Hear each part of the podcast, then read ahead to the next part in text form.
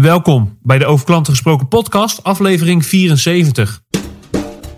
Welkom bij Over Klanten Gesproken. De podcast voor de professional die dagelijks met klanten bezig is.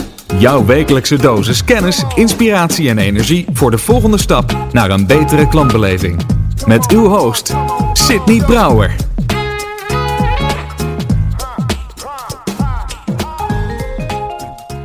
Hey, wat leuk dat je weer luistert naar deze nieuwe aflevering van Over Klanten Gesproken. Mijn naam is Sydney Brouwer en in deze aflevering duiken we de taal in. De taal van gastvrijheid, hospitality en klantbeleving. Want waar ik tijdens het opnemen van deze aflevering bij, uh, achter ben gekomen, is dat taal een ongelooflijk grote rol speelt in de beleving van klanten. In deze aflevering heb ik Tanja Schildhuizen te gast. En nou zou het kunnen zijn dat haar naam hier niet heel veel zegt. En dat klopt ook wel, want ik vind dat Tanja het best bewaarde geheim is van hospitality in Nederland.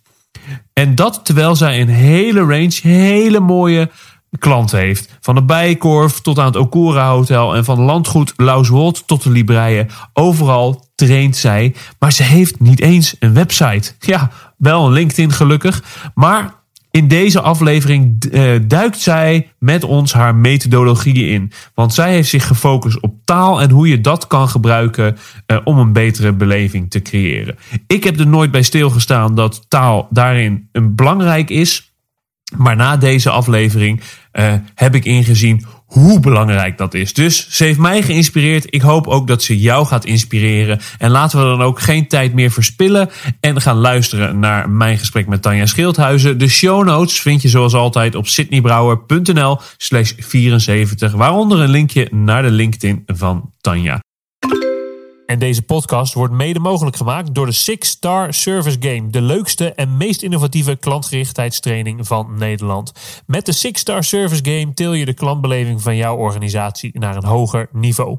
Hoe hoog vraag je je misschien af? Nou, bij een grote financiële dienstverlener hebben we de klanttevredenheid eh, tijdens het spelen van de game verhoogd met gemiddeld 0,4 punten en een NPS-stijging bewerkstelligd van 11 punten. Wil je het verhaal achter de cijfers weten? Kijk dan op www.sixstarservice.nl. En dan nu mijn gesprek met Tanja Schildhuizen. En in uh, deze aflevering heb ik uh, Tanja Schildhuizen te gast. En Tanja is het best bewaarde hospitality geheim van Nederland. Denk hm. ik, uh, mag ik dat zo zeggen, Tanja? Nou, dat vind ik lief dat je dat zegt. Of, of misschien wel in elk geval de minst vindbare. Ja, dat, dat per definitie. Dat klopt. Ja, dat klopt. Ja. Dat is een uitdaging. Wij zijn elkaar tegengekomen in, op een congres in Limburg. Ja. Waar wij allebei mochten spreken over uh, gastvrije Limburg. Klopt. Um, en dat was gelijk een hele leuke klik. Absoluut. En uh, nou, dat, dat congres was in februari en uh, nu is het november. Dit was de eerste tijd die je had in je agenda om, om te podcasten. Ja, wat erg hè? Ja. ja. nou, ik vind het erg leuk dat ik hier ben, Sydney. Ja, Absoluut. Leuk. Uh, ja. ik ben blij dat het eindelijk gelukt is. Ja, ik ook. Um, jij gaat zo zelf, dat kan je het best over jezelf vertellen. Um, heel even, wie is Tanja? Ja. Nou, Tanja is denk ik een hele positieve, energieke, enthousiaste uh, persoonlijkheid. Die um, van mensen houdt, die graag geeft, die anderen graag beter wil maken en daar haar vak van heeft gemaakt. Ik denk dat dat de beste omschrijving is. En met het, het sausje hospitality eroverheen. Ja, absoluut. Ja, ja. ja. Um, en ik vind het mooi, jij, jij werkt voor bedrijven waar je, word je helemaal gek van. Om een paar te noemen, de Bijkorf, Okura Hotel, uh, je Libreien, ja. uh, Landgoed Lauswold. Ja. Mm, de Engelenburg. Uh, Holland Casino. En je hebt geen website. Nee. Nee, en je bent niet aangesloten bij een bureau? Ook niet. Ook het is... En toch een jaar van tevoren volgeboekt. Ja. een jaar van tevoren? Ja. Hoe ja, doe je dat? Ja, dat is echt bizar. Nou, ik denk um, hoe dat komt, is dat wat je de deelnemers leert in de training. Hoe krijg je nu echte promotors en hoe krijg je nu echte ambassadeurs van je merk of je bedrijf? Um, dat gebeurt eigenlijk ook bij mij. Dus op het moment dat je toch iets onderscheidends neer kunt zetten, creëer je eigenlijk je eigen ambassadeurs, je eigen verkoopapparaat. Ja. En dan gaat de markt het werk voor jou doen.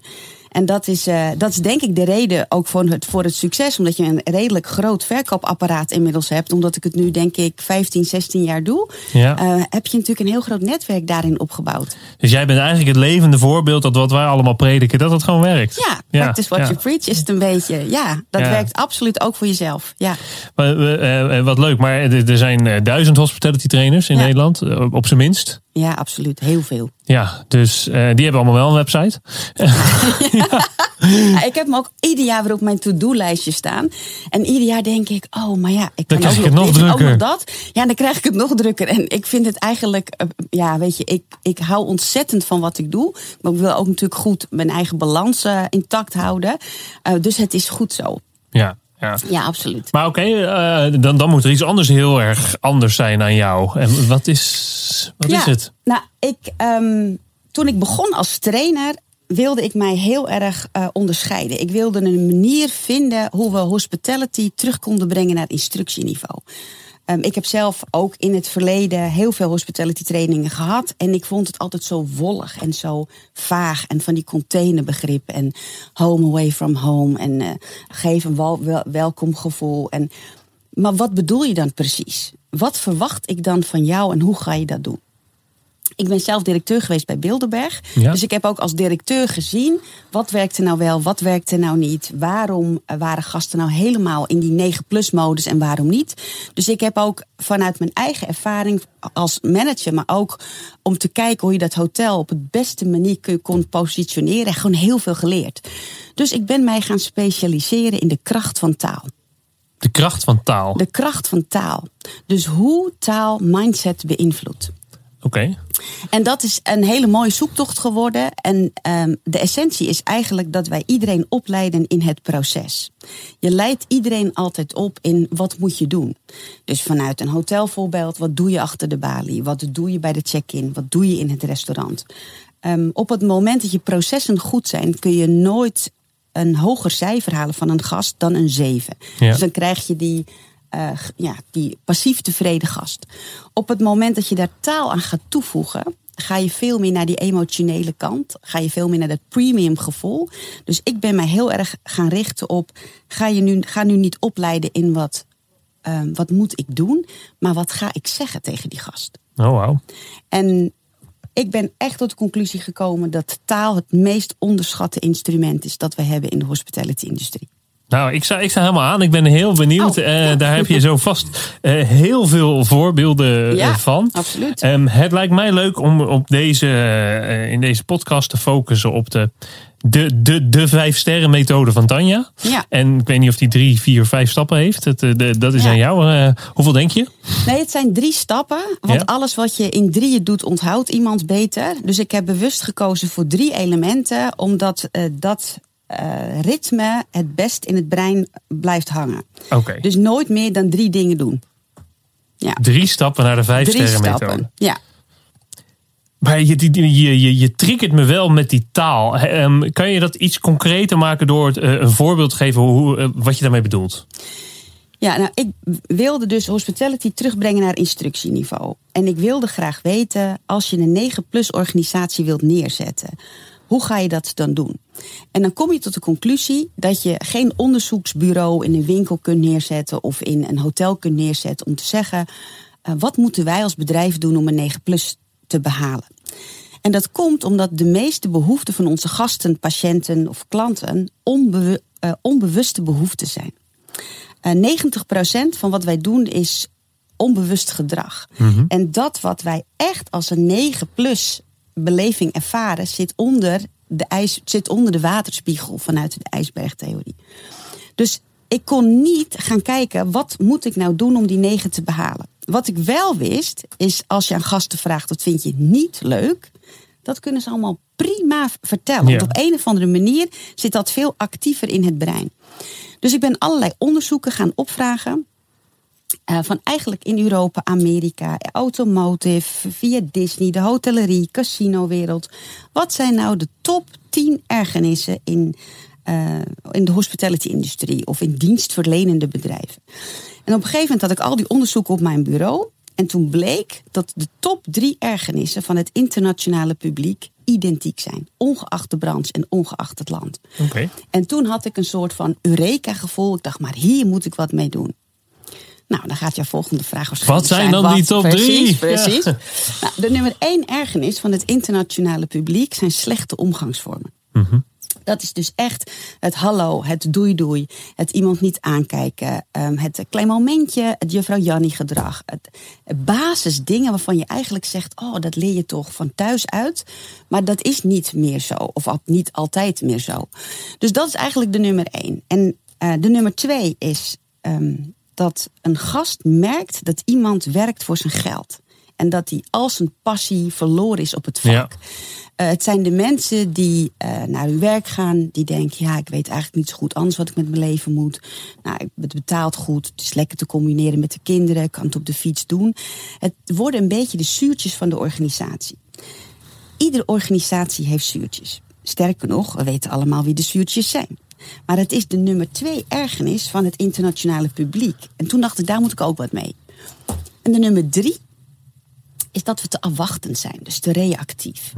Dus een heel simpel voorbeeld vanuit dan de hotellerie. Wanneer jij eh, aan tafel gaat zitten en je bestelt ehm, een eh, glas wijn. Dan wil je eigenlijk dat de medewerker vraagt: Goh, wilt u nog een glas wijn? Wilt u een glas water? En niet dat jij steeds op alles hoeft te vragen. Dus de afwachtendheid van eh, de medewerkers in de hospitality-industrie, dat was, stond op drie. En toen dacht ik: Weet je wat ik ga doen? Ik ga beleid maken van het tegenovergestelde. Dus wat ik gedaan heb, is het onbewuste gedrag bovengehaald. Dus het tegenovergestelde van slechte omgangsvorm is hoffelijkheid. Ik ben helemaal gaan zitten op hoffelijkheid qua taal. Het tegenovergestelde van passieloosheid en eh, gewoon geen drive meer hebben, is emotie toevoegen in je contactmoment. En het tegenovergestelde van te afwachtend is proactief. En dan krijg je hoffelijk, emotie en proactiviteit. Dat is de HEP-theorie geworden. De. Heb je het of heb je het niet? Als je het niet hebt, kunnen we het je leren. En als je het niet wil leren, zijn er nog heel veel andere leuke bedrijven. Oh, maar ja, dit vind ik interessant. Je, je kan, jij zegt, je kan het iedereen leren. Correct. Je kan iedereen Absoluut. leren, eh, eh, leren om gastvrij te zijn. Ja. Als je het maar wil. Ja, je kan het iedereen leren. Dat wil zeggen, je kan, je kan iedereen helpen beter worden. Het wil niet zo zijn dat je van iedereen ook echt een negen kunt maken. Nee. Maar je kan iedereen beter maken, absoluut. Ja. Want het zijn kaders die je meer gaat meegeven. De HEP-theorie. En ehm, eh, je gaf net een aantal voorbeelden van, van, van, van die taal. Hè? Ehm, eh, als je in een restaurant zit en er komt weer iemand. Er zijn mensen die allergisch zijn voor de kelner, de ober, die zegt: smaakt het? Ehm, eh, wat zet je daar dan tegenover om het beter te laten zijn? Heb je, heb je daar een voorbeeld van een hotel of een, of een restaurant? Ja, weet je, het gaat dan meer van hoe ervaart u het op dit moment? Gewoon de hoe-vraag is per definitie beter. Maar eigenlijk is het simpeler.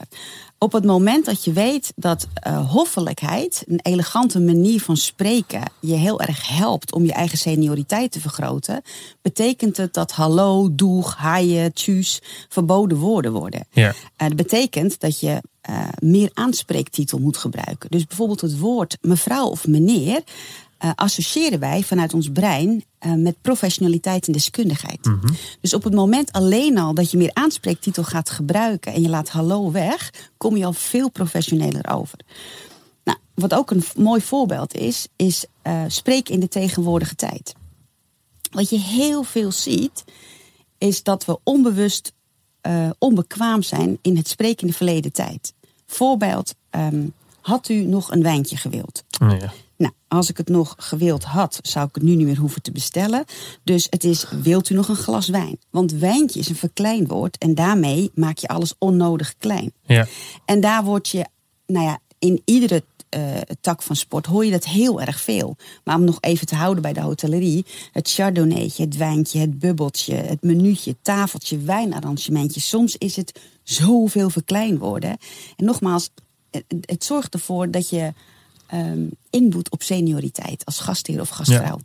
En laten we wel wezen, je wil voor een heerlijk glas Chardonnay zo lief, eh, vind ik prima om 7, 8, 9 euro eh, neer te leggen. Maar voor een wijntje, ja, dat is 4 euro waard. Precies, Ja. precies. Ja, en wat jij nu ook zegt, een mooi glas Chardonnay, gewoon een bijvoeglijk naamwoord creëert ook emotie. Ja. Dus als je bijvoorbeeld een runner hebt die een gerecht moet inzetten aan tafel, dan zie je vaak van eh, wie had de tournedo. Nou, je moet het nog opeten, dus dat klopt dan Ja. niet. Maar ga nu eerst gewoon groeten met twee woorden. Goedenavond, dames. Eh, wie heeft de tournedo? En dan één bijvoeglijk naamwoord. Dus een mooi, eh, een, een mooi stukje vlees of even mooi kort aangezet, waardoor de sappen mooi bewaard blijven. Geniet ervan. Dus je kunt in taal heel goed kader zetten hoe je het hebben wil, waardoor je heel hands-on iemand kan helpen. Ja, ja. Voordat je verder luistert, wil ik je eerst kort iets vertellen over de Six Star Service Game. Dit is een digitale trainingsgame die zorgt voor meer enthousiaste klanten en medewerkers bij jouw organisatie. De inzet van de Six Star Service Game heeft een aantal grote voordelen ten opzichte van een traditionele klantgerichtheidstraining. 1. Het is leuker voor de deelnemers. 2. Het heeft een groter en langduriger effect. We spelen de game namelijk over 6 weken en omdat we er langere tijd mee bezig zijn, zorgt het voor een duurzame gedragsverandering. En tenslotte, punt 3. Het is ook nog eens voordeliger. Je hoeft deelnemers namelijk niet uit de operatie te halen om ze te trainen. Ze spelen de game zo'n 10 minuten per dag. Wil je meer weten over de Six Star Service Game en hoe het jouw organisatie kan helpen om meer enthousiaste klanten te creëren? Kijk dan op www.sixstarservice.nl. En dan nu terug naar het interview van deze keer. Oh, wat gaaf. En de eh, hoffelijkheid is de, de H.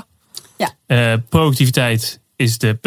Ja, en, er de zit een E is van emotie. emotie. En de emotie gaat echt over zeg iets los van het proces. Laat jezelf zien. Erken de ander, waardeer de ander. Manage altijd eerst de emotie voordat je antwoord geeft in het proces. Een mooi voorbeeld vind ik, wat jij altijd geeft tijdens jouw spreken, spreekbeurten en eh, lezingen, is dat eh, iedereen in Disney wordt opgeleid met eh, het antwoord op de vraag: eh, hoe laat begint de, de parade? Ja, de parade van drie uur. De ja. parade, de parade van drie uur. Ehm, dan is het antwoord, wanneer je niet getraind bent, drie uur. Ja. Wat je wil, is dat heb er altijd in voorkomt. Dus de hoffelijkheid is, oh wat leuk dat u het vraagt. Ehm, het is ook gelijk emotie, even de connectie leggen. Vervolgens zeg je, de parade begint om drie uur. Je geeft mooi antwoord. En dan zorg je vanuit de proactiviteit dat de laatste vraag altijd van jou is. Ehm, weet je al waar je wil gaan staan? Wil je misschien nog weten wat de mooiste plek Ja. is? Heb je verder nog vragen voor mij? Waardoor je de leiding houdt in het gesprek, kan sturen en eigenlijk op een, eh, een antwoord kan geven op een 9-plus manier, op een hele eenvoudige manier. En die vertaalslag kun je natuurlijk in het bedrijfsleven prima maken. Wat zijn nou de top 10 meest gestelde vragen op je afdeling? En ga dat eens op deze manier doen. Ja. Geef het veertje de emotie, geef het antwoord met het mooie taalgebruik en eindig met de laatste vraag. En je pakt senioriteit, emotie en je pakt echt, wauw, dit is anders. Zijn er nog vragen, dames en heren? Ja. ja. Nou, dus dat is een module die je traint, waardoor je het heel concreet kunt maken. Ja, ik heb er nooit bij stilgestaan dat die taal daar zo, eh, zo cruciaal is. Dat, eh, eh, gaaf om dat te, te zien. Gaaf mag eigenlijk ook niet zo. Het is geen senior woord, hè? Nee, maar het, dat is wel emotie. Ja, dus dat is dan weer goed. Ja, ja. Nee, maar het zit, oh, het zit in zoveel. Bijvoorbeeld, dan kom je in een bioscoop en dan doe je een mystery check. Voordat je bijvoorbeeld een bioscoop gaat trainen. En dan, dan wil je een kaartje bestellen voor de nieuwste K3-film. En het zit vol. Dan is het, ja, ik heb alleen nog maar plek op de eerste rij. Alleen nog maar plek betekent, oh gatsie, nee, dat gaan we niet doen. Dus alleen nog maar is ook een zin wat je niet moet gebruiken. Ja. Op het moment dat je zegt, oh mevrouw, wat leuk dat u wil komen. Emotie en aanspreektitel. Ehm, het zit helemaal vol. Wat jammer. Ik ga even kijken of ik mijn best kan doen. In de wacht. Terug. Dank u wel voor het wachten. Eh, ik heb goed nieuws. Ik heb nog twee mooie plaatsen op de eerste rij. Ja. En je wordt in één keer de held. En dat is allemaal wat taal doet. Front als- row seats, dames en heren. Ja. Ja. ja, en dat is. ehm, en oh ja, ik kan er echt uren over praten. Wat ik ook altijd zo'n heel mooi, mooi voorbeeld vind, is bijvoorbeeld bij ICT-bedrijven. Die zijn, we zitten ook altijd heel erg in het proces. We hebben een probleem. Ehm, we zijn enorm druk met elkaar. En dan bel ik de klant. Dan zeg ik, nou, het is opgelost. En die klant denkt, jeetje, nu pas.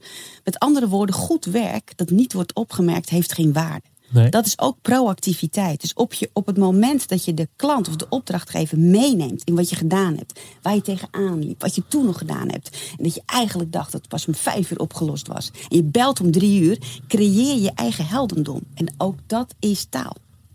Ja, eh, zullen we samen een boek schrijven?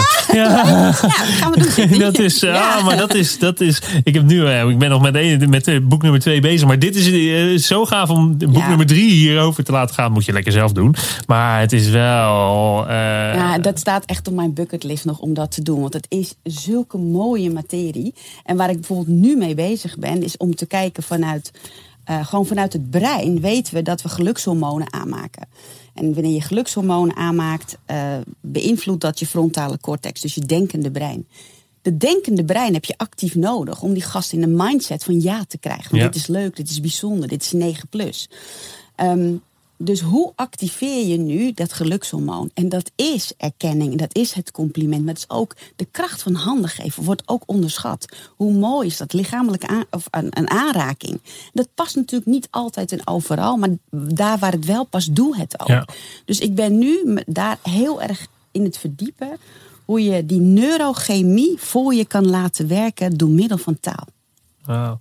Hé, En eh, hoe, hoe, hoe voorkom je dat het scripts worden? Ja, oh, ik ben tegen script. Ja, dat Oh, dacht ik al. Nee. Maar je, om- omdat je ook zegt, eh, hè, eh, ik wil gastvrijheid terugbrengen tot instructieniveau. Maar Ja. niet tot het niveau is dit wat je, dit is wat je dan zegt. Klopt, klopt.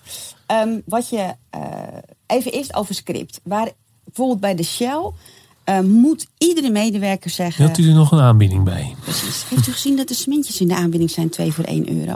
Nou, dat moet, dat moet dan tegen de hele rij. Dan wordt het gescript. Bij heel veel drogisterijen en supermarkten moeten ze op dit moment zeggen... Heeft u het kunnen vinden? Heeft u het allemaal kunnen vinden? Precies.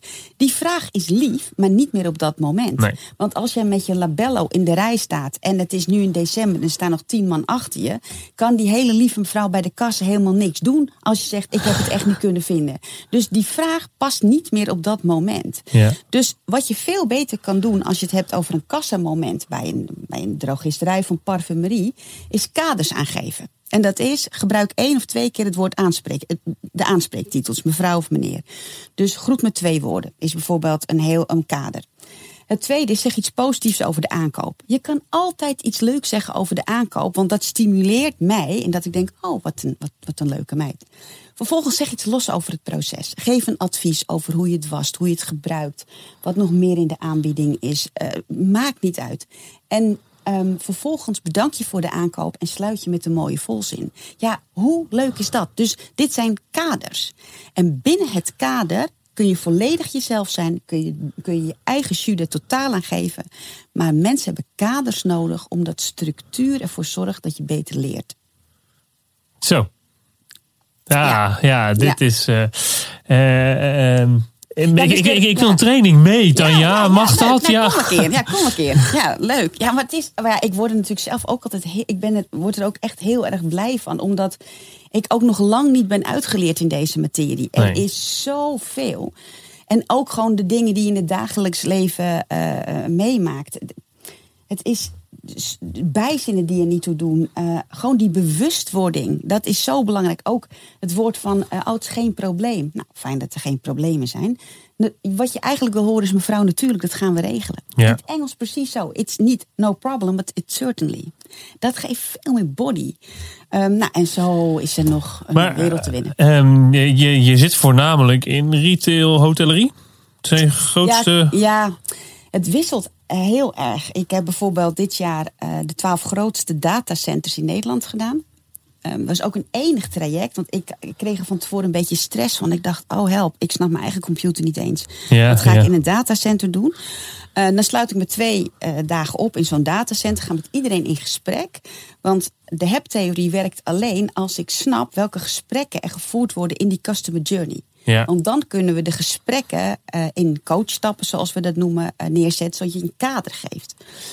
Ehm, ja, en dan zie je ook weer dat je prachtige eh, dingen kunt doen. Dus het zijn datacenters, maar het zijn ook apotheken, crematoria, uiteraard hotels, musea. Maar- breed. Eigenlijk alles wat, waar je met mensen werkt en waar je het hart van de ander moet winnen, daar kun je dit op toepassen. Maar weet je wat ik nou zo gek vind? Wat daar niet tussen zit. En waar je eigenlijk je enige instrument taal is. Contactcenters. Ja. Contactcenters, dat is het enige wat je hebt, is je taal om Ja. met klanten te praten. Ja. En dat, daar moet je het dus dan ook meedoen. Ja. Ehm, want je kan niet even iemand een stevige hand geven. Je kan niet even iemand eh, eh, aankijken. Ja, dat geldt ook bijvoorbeeld voor het aannemen van reserveringen, ehm, in, in wel, in- of het aannemen van boekingen. Ehm, daar, zit, daar zitten ook heel veel mooie dingen in. Ik vind dat de contactcenters vaak te gescript zijn. Ja. En op het moment dat ik gebeld word om zes uur omdat iemand mij iets wil verkopen en de andere persoon aan de lijn eh, leest het script voor, zeg ik ook altijd: lieve schat, ik vind het hartstikke goed dat je dit doet, maar dit gaat hem niet worden. Je leest het op. Eh, doe nou eens even wat los. Weet je? Dus ik Ja. heb dan eh, ook alweer de neiging om. eh, ja, training te geven aan de telefoon, ja. maar als ze het goed met me doen, als ze bijvoorbeeld aan de deur iets verkopen en ik denk, oh, deze heeft het helemaal begrepen. Eh, die pakt binnen, binnen de kaders de authenticiteit en hij raakt mij. Dan koop ik altijd alles. Ik beloon het ook. Dus ik mag van mijn wederhelft niet meer naar de deur. Die denkt, nee, nee, we zijn nog genoeg lid van allemaal dingen. Dus, nou, ja, dus ja, daar is ook eh, heel veel te doen.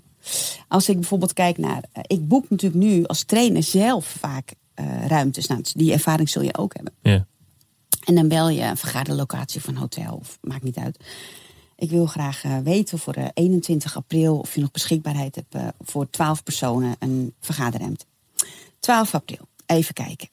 Dus je ziet ook dat iedereen gelijk in het proces schiet. Ja. En wat je eigenlijk wil horen is: eh, Goedemiddag, mevrouw Schildhuis. Ik groet met twee woorden, herhaal de naam van de gast. Heel simpel kader. Wat leuk dat u ons denkt. Wat fijn dat u, hoe bent u zo bij ons terechtgekomen? Eerst de emotie managen en dan waar bent u precies naar op zoek? En dan mag je door. En dat is allemaal leerbaar als je er maar bewust van bent.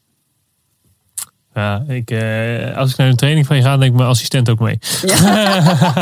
Eh, nee, dus ze doet het al heel goed hoor. Maar eh, hier kunnen we allemaal van. Ik zit nou, namelijk nu zelf te bedenken hoe ik in gesprek ga met klanten. En eigenlijk is de eerste vraag altijd die ik stel, ehm, is: eh, hey, wat leuk dat je bij mij terecht bent gekomen. Hoe is dat zo gekomen? Precies. Maar ik denk dat, dat, dat het nog beter kan. Ehm, nou, oké. Ja, maar dat is ook een vorm van eerst de emotie managen voordat je doorgaat naar het proces. En voordat Ja. je doorgaat naar de behoefteanalyse. Ja. En voordat je het koopmotief gaat koppelen aan de voordelen die jij als Sydney hebt voor een bedrijf. Ja. Dus ook dat, ook verkopen, is, is absoluut verbaal meesterschap. Ja, ik, Ja. ik maakte voor mezelf wel eens een sport van. Ehm, vanochtend ook, ja, moest ik de, de, klantservice van een, eh, eh, van een online kledingwinkel eh, bellen. En ik maakte wel eens van een sport van voor mezelf om te kijken. Ik ga het gesprek nu voeren met dezegene. Wat deze persoon aan het eind van de dag nog herinnert. Dat maakt ook je eigen gesprek met de Ja. klantenservice veel, veel leuker. Absoluut. Ehm, en dus ik had hem eigenlijk gelijk uit zijn script. Maar toch op het eind stelde hij de vraag die ze altijd overal stellen. Heeft u nog een andere vraag voor me? En Ja. je weet dat dat is ingetraind. Want als ik een andere vraag had, dan had ik hem wel gesteld. Maar eh, Ja, dat is een aanname.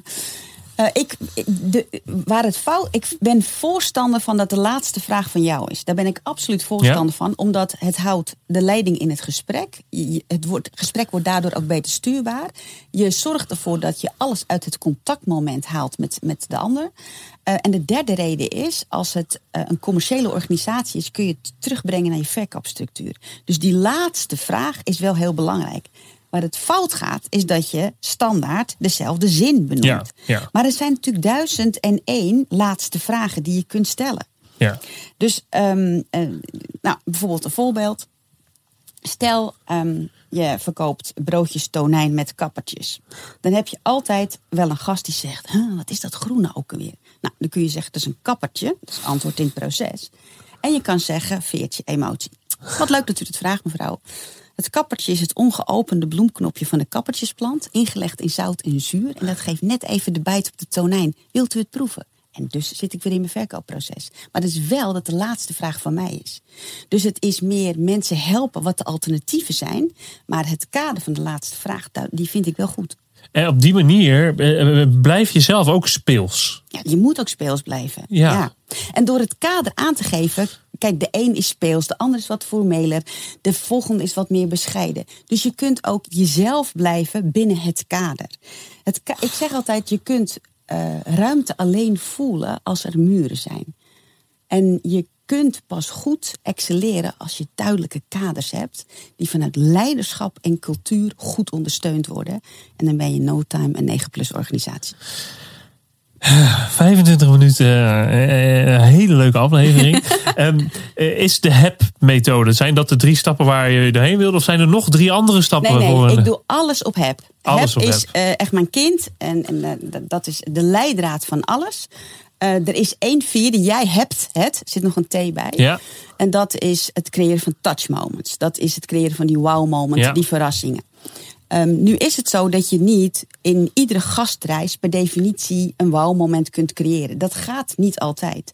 Dus HEP zorgt voor een excellente basisbeleving. En daarnaast heb je de touch moments. Dus ik koppel dat los. Maar jij hebt het. Dat, zijn dan, dat is de vierde stap. Ja. ehm, waardoor je eigenlijk van de 9 naar de 10 gaat en echte ambassadeurs creëert. En wat is daar dan de secret ingredient voor die thee? Eh, want je moet daar, eh, dat is aandacht, denk ik. Ehm, ja, dat is proactief. Dat is echt het managen van gastervaringen. Dus even nog één klein voorbeeld. Kan het nog Ja, niet? ja, zeker, Oh, oh, zeker. Ehm, dat, wij, dat ik directeur was eh, in Amsterdam, hadden we heel veel Amerikanen. En die komen in het hotel binnen en die, dan vraag je hoe is uw reis geweest? En dan zeggen ze altijd, oh, I've such a terrible jet lag. Nou, wat doe je dan? Eh, Vijf minuten na de check-in brachten wij een kopje jetlag thee naar boven met een lief briefje erbij. Mooie bijvoeglijke naamwoorden, aanspreektitel, naamgebruik. Om de jetlag wat te verzachten. Een kopje jetlag thee. Fijn dat u veilig bent aangekomen in ons lieve boutique hotel. Wij wensen u een mooi verblijf met een warme groet. En dan de naam van de persoon die het kopje brengt. Dat ene kopje thee is dus het managen van gastervaringen. Want vanuit leiderschap kun je zeggen: als iemand een jetlag eh, eh, heeft, doe je dit. Maar als iemand in de file heeft gestaan, doe een half flesje rood. Als iemand eh, zijn auto niet kon parkeren, doe een half flesje wit. Dus je kunt dat wat je niet hoeft te managen als hotelier, als je dat wel managt, dan manage je op een ultieme manier perceptie. En dat is het beïnvloeden van mindset ja, ten top. It's all in the details, eh, wat dat betreft. Ja, En, ja. ja. het is, en, de, ja, en dat kun je doorvoeren tot, nou ja, tot, tot, als het warm weer is, wat doe ik dan? Als het koud weer is, wat doe ik dan? Ja. Als het vriest. Ja, weet je, en dat is wanneer je mensen echt in het hart raakt. Ja, ja. Stel nou dat mensen in 2023 een training van jou willen. Mm. Waar kunnen ze je dan vinden? Ehm, ze kunnen mij vinden op LinkedIn. Ja. Eh, Tanja Schildhuizen, schild met een T in Huizen, Z-E-N. Ehm, op Facebook. En ehm, ik ga echt heel erg mijn best doen om binnenkort echt een website te maken, Sydney. Als die online is, dan zet ik hem in de show notes bij deze aflevering. In elk geval eh, de, eh, eh, jouw LinkedIn eh, zet ik daar, daarbij. En het acroniem HEPT Ja, zet ik daar Absoluut. met een P. Zet ik erop. Even kijken. Had ik, zijn er nog dingen die ik had moeten vragen, maar die ik vergeten ben? Ehm, nee, dat denk ik niet. Het enige wat mooi is om te, te eindigen, dat, ik vind dat echt een prachtig slogan voor in de kantine. Of, eh, maar ik geloof daar echt in. En dat is wie gestopt is om beter te willen worden, houdt op met goed te zijn. Wie gestopt is met beter worden. Wie gestopt is om beter te willen worden. worden, houdt op met goed te zijn. Mooi. En die is lekker. Dankjewel, Graag gedaan. Tanja. Bedankt voor het luisteren naar deze aflevering van Over Klanten Gesproken. Voor meer afleveringen en de show notes, kijk je op sydneybrouwer.nl slash podcast. Graag tot de volgende keer. En dat was hem dan, mijn gesprek met Tanja Schildhuizen. Eh, leuk dat je weer hebt geluisterd naar deze nieuwe aflevering van Over Klanten Gesproken. Eh, de show notes vind je op sydneybrouwer.nl slash 74. En op de eerste dinsdag van maart gewoon weer een nieuwe aflevering van deze podcast. Dankjewel en tot dan.